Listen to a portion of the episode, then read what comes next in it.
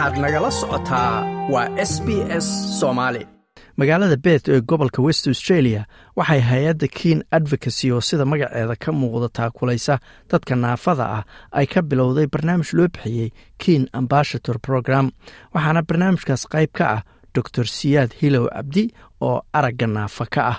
Bal wax yar haddaad noo dul marto barnaamijkan loo bixiyey keen ambashator program oo aad qaybta ka tahay barnaamijkanito wuxuu ku saabsan yahay safiireynta jaaliyadaha. Yani macnadeeda waxaa waaye wakiil misene safiir u qaabilsan jaaliyad walbo oo degan western australia ama soomaali ha ahaato ama qowmiyadaha kale ha ahaadaano ayay ayaa loo xilsaarayaa qof safiir u ah oo asagana qofkaasito waa inuu naafo u yahay. Marka safiirkaas u noqonayaa jaaliyadaha arrimaha la xiriirto dadka naafada ah. Waa gartay. Marka muhiimad intee la eg buu dadka adigoo kalea barnaamijkan u leeyahay. Programka nato aad buu muhiim u yahay waayo waxaan aragnay in qowmiyadaha kala duwan degan waddankan australia misene qaxootiyaha ku imaadaana misene migrant community kale ha ahaadaana arrimaha dadka naafada ah way ka dhacsan yihiin runtii waxayna u baahan yihiin mar walba inay macluumaad dheeri la siiyo marka waxaan u aragnay in jaaliyadahaasito aan ka soo xulanno qof safiir u ah oo ka dhaadhiciyo arrimaha dadka naafada ah. Misene yani warbixin haddii u baahan yihiin siiyo misene la mucaamilaado jaaliyadaha ayaka ah. Fursaddaasito ayaan ayaan u hagaajinay dadkaas si ay u hirgeliyaan mashruucan safiireynta jaaliyadaha marka doctor siyaad maxaad is leedahay? Waa yihiin waxyaalaha ugu waaweyn oo ka maqan ama jaaliyaduhu aysan ka ogeyn arrimaha dadka naafada ah. Waa arrimo badan runtii marka ugu horeyso waxaa ka maqan macluumaadka ku saabsan dadka naafada ah ama carruurta ha ahaato ama dadka waaweynbo ha ahaato. Qofka markuu soomaalideenna khaasatan markii la fiiriyo cunugi yar waxay u arkaan cunugaasito inuu maaragta naafaba ahayn haddii aad tiraahdo cunugaada waa naafo wayba ku hanaaqayaan. Waana hadda n d i s ta oo kaleta macaawino fara badan bay siiyaan dadkaas naafada ah. Marka meelaha berkood markii dhaqaalo un ay imaado unbay soomaali ogoshahay inuu cunugooda naafo yahay hadday arrinta dhaqaalaba ku saabsaneen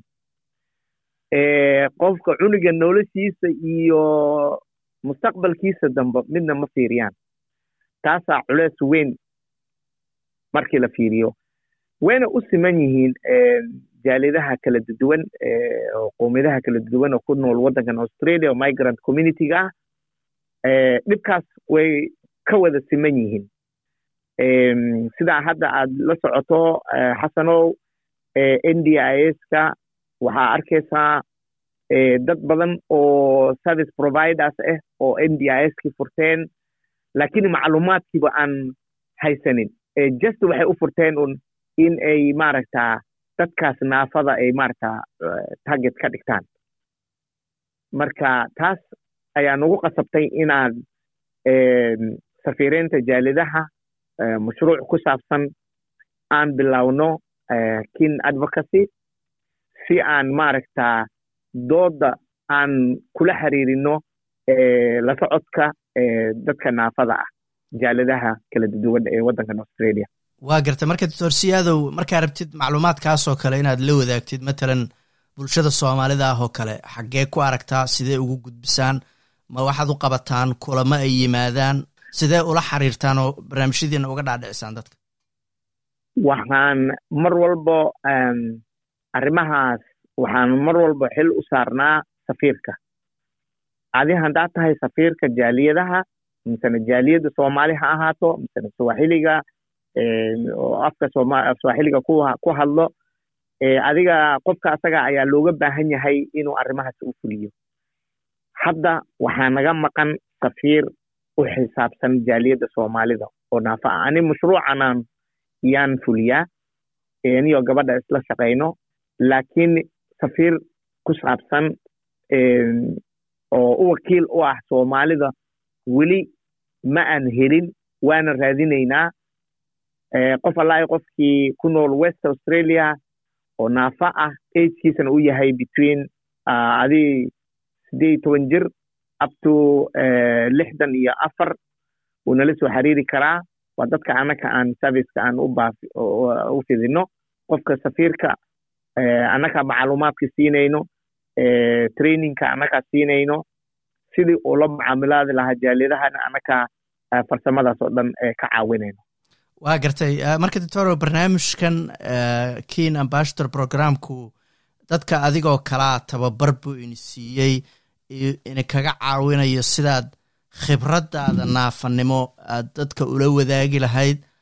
Adigu khibraddaadaas bal dadka haddaad uga sheekaysid nin naafaad baa tahay laakiin haddana doctor shahaadada b h d da hays haystaa tahay.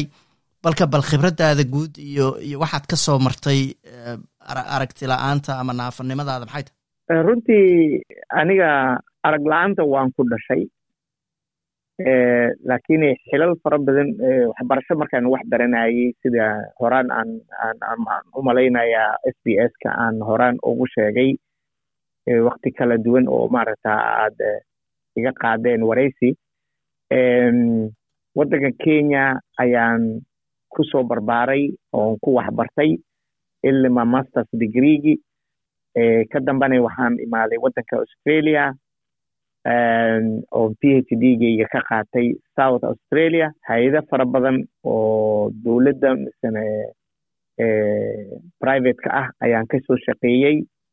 Laakiin hay'addan keen advocacy waxaan u shaqaynayaa sannadkii kow iyo tobnaad. Waa hay'adda igu wakti dheereed oon u shaqeeyo. Roolkeygana uu yahay systemic advocacy. Macluumaadka aan ka siiyo hay'addan oo misene shaqada aan u qabto khaasatan waxay ku saabsan tahay la xiriirka jaaliyadaha iyo baaritaan research ku saabsan waxyaalaha dhibka ay ka qabaan jaaliyadda amine dadka naafada ah. Discrimination hama ahaato faquuqin ha ahaato ama ha ahaato ayagoon helaynin services oo kaalmo xagga macaawin serviceskas aan helaynin. Adeegaasito aan helaynin adeeg annaka marka waan fiirinaynaa sababta ay ku imaaday dadkaas misane jaaliyaddaas ee adeega noocaas ay u helaynin.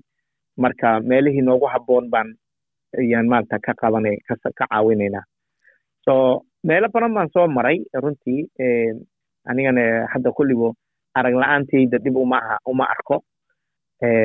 Xasanow maanta haddaa indhahaada siisana kaama rebi waa mahadsantahay baan ku dhihi. Marka marka waa nin intaasoo sana kulligo arag la'aan ahaa marka alxamdulilah waa gartay maxaa kuugu muhiimsanaa tababarkan keen ambassador programka markii layna tababarayay maxaa adiga kuugu muhiimsanaa o aad ka barata waxa muhiimka waxaa waaye mowqifka horta ay dadka jaaliyadaha ka qabaan dadka naafada ah. Taasaa macluumaad aad u weyn ahayd because waxaan la hadalnay jaaliyado kala duduwan jaaliyad walbana waxay soo bandhigaysay wixii maaragtaa ay dadka naafada ka qabto iyo sida meelaha barkood markii la fiiriyo kelmad shabahdo dadka naafada ah maba qabaanba luuqadooda ee waddamada barkood luuqadaha kala duduwan ku hadlo kuwa qabaanne waa kelmad fuquuqin ah. Hadda markaan soo qaadano kelmadda naafo heblow waa naafo markii la dhaho. Soomaalideenna waxay u qaadataa qof un maaragtaa in qabo misane meella laakiin waxaa jirtaa boqolaal cudur oo saamayso bini aadanka oo dhinac walba markii loo fiiriyo naafeyn karto waxqabadka abilitieska uu qofka wax ku qaban karo. Mararka barkood waxaa arkaysaa qof markaad fiiriso lixaadkiisa kamil ay yihiin oo lixdiisa lixaad qabo laakiin naafo ah. Waxaa ka mid ah dadka intellectual disabilityga ah. Waxaa ka mid ah oon la arkaynin naafanimadooda aan la arkaynin so macluumaadkaas oo kaleta ayaa muhiim ahaa in aan maaragta u sheegno jaalidaha kala duwan ee ku nool waddankan western australia. Waa garta doctor tan ugu dambaysa marka dadka soomaalida ah ee aan wax badan ka fahansanayn disabilityga ama curyaannimada ama noocay doontaba ha noqotay ama khalad ka fahansan oo caruurtooda ama dadka qaba qarinaya markay sidaad sheegtay marka laga reebo maray lacag ku raadsanayaan maxaa talaahoo guud ahaan siin lahay waxaan talahaan siini lahaa waxa waaye qofka hadduu ilaahay u qadiray inuu naafo yahay macnadeeda ma aha inuu meel la yahay. Waxyaalo kale oo fara badan ayuu awood u leeyahay oo alla subxaana watacaala uu siiyey marka waxaan dhihi lahaa dadkaas ha ka faa'iidaystaana waxyaalahaas kale oo ilaahay uu ku irsaaqay qofka asaga ah cunuga hadduu aaminsan yahay mathalan ma soo qaato cuduradan autism iyo waxaas uu qabo oo qof iska aaminsan uu yahay waxaa laga yaabaa qofkaas inuu gacmaha ilaahay ugu deeqay oo gacmihiisa uu wax badan ku samaysan karo. Waan aragnay dad autism oo autism qabo oo misane intellectual disability qabo oo haddana engineers ah oo wax hagaajin karo oo maaragta gaarigoo intay kala furfuraan kala dadaadiyaan haddana isku soo rakibi karo oo cilmigaas ilaahay gacanta u geli marka farsamada ilaahay maarata talentkaas meel walba wuu kaa sii karaa laasin ma aho adoo araga la keli ilaahay markuu araga ku tiray haddana meelo kaloo fara badan buu alla subxaana watacaala uu kugu buuxiyey oo awooddaas aad u leedahay. Example haddaan ku siiyo hadda dadka araga la waxay ku fiican yihiin xusuus memory. Ayay ku fiican yihiin fiiri annagana markii bini aadanka aad fiiriso waa ilow badan yahay maadaama kelmadda insaan nafsinkeeda waa ilaawasa waay waa ilow badannahay laakiin haddana allah subxaana watacaala wuxuu ugu deeqay qofkaas naafada ah misena aragga lah inuu haddana maaragta xusuustii uu wixii ku memorize garayn lahaa misena ku xifdin lahaa inuu awooddaas extra uu siiyey oo maaragta u ziyaadiyey marka intaasaan u sheegi lahaa jaalidaha inay gartaan soomaalida inay fahanto qofkan hadduu naafo yahay oo aragga la-yahay misena xibin kale uu la-yahay inuu maaragta kamil yahay oo bini aadamnimadiisii iyo ruuxnimadii ay ku jirto uu awooddii alla subxaana watacaala uu siiyey dhinac kale ha u ahaatee. Kaasina wuxuu ahaa doctor siyaad hilowle cabdi oo khadka telefoonka ee magaalada beth igu warramayay waxaanu ka tirsan yahay hay'adda keen disability advocacy oo markaasi wada barnaamij loo bixiyey keen ambassador program. Doctor siyaad aadaa umahadsanta ma doonaysaa sheekooyinkan oo kale? Ka dhegayso apple podcast google podcast spotify ama meel kasta oo aad bodkastigaaga ka hesho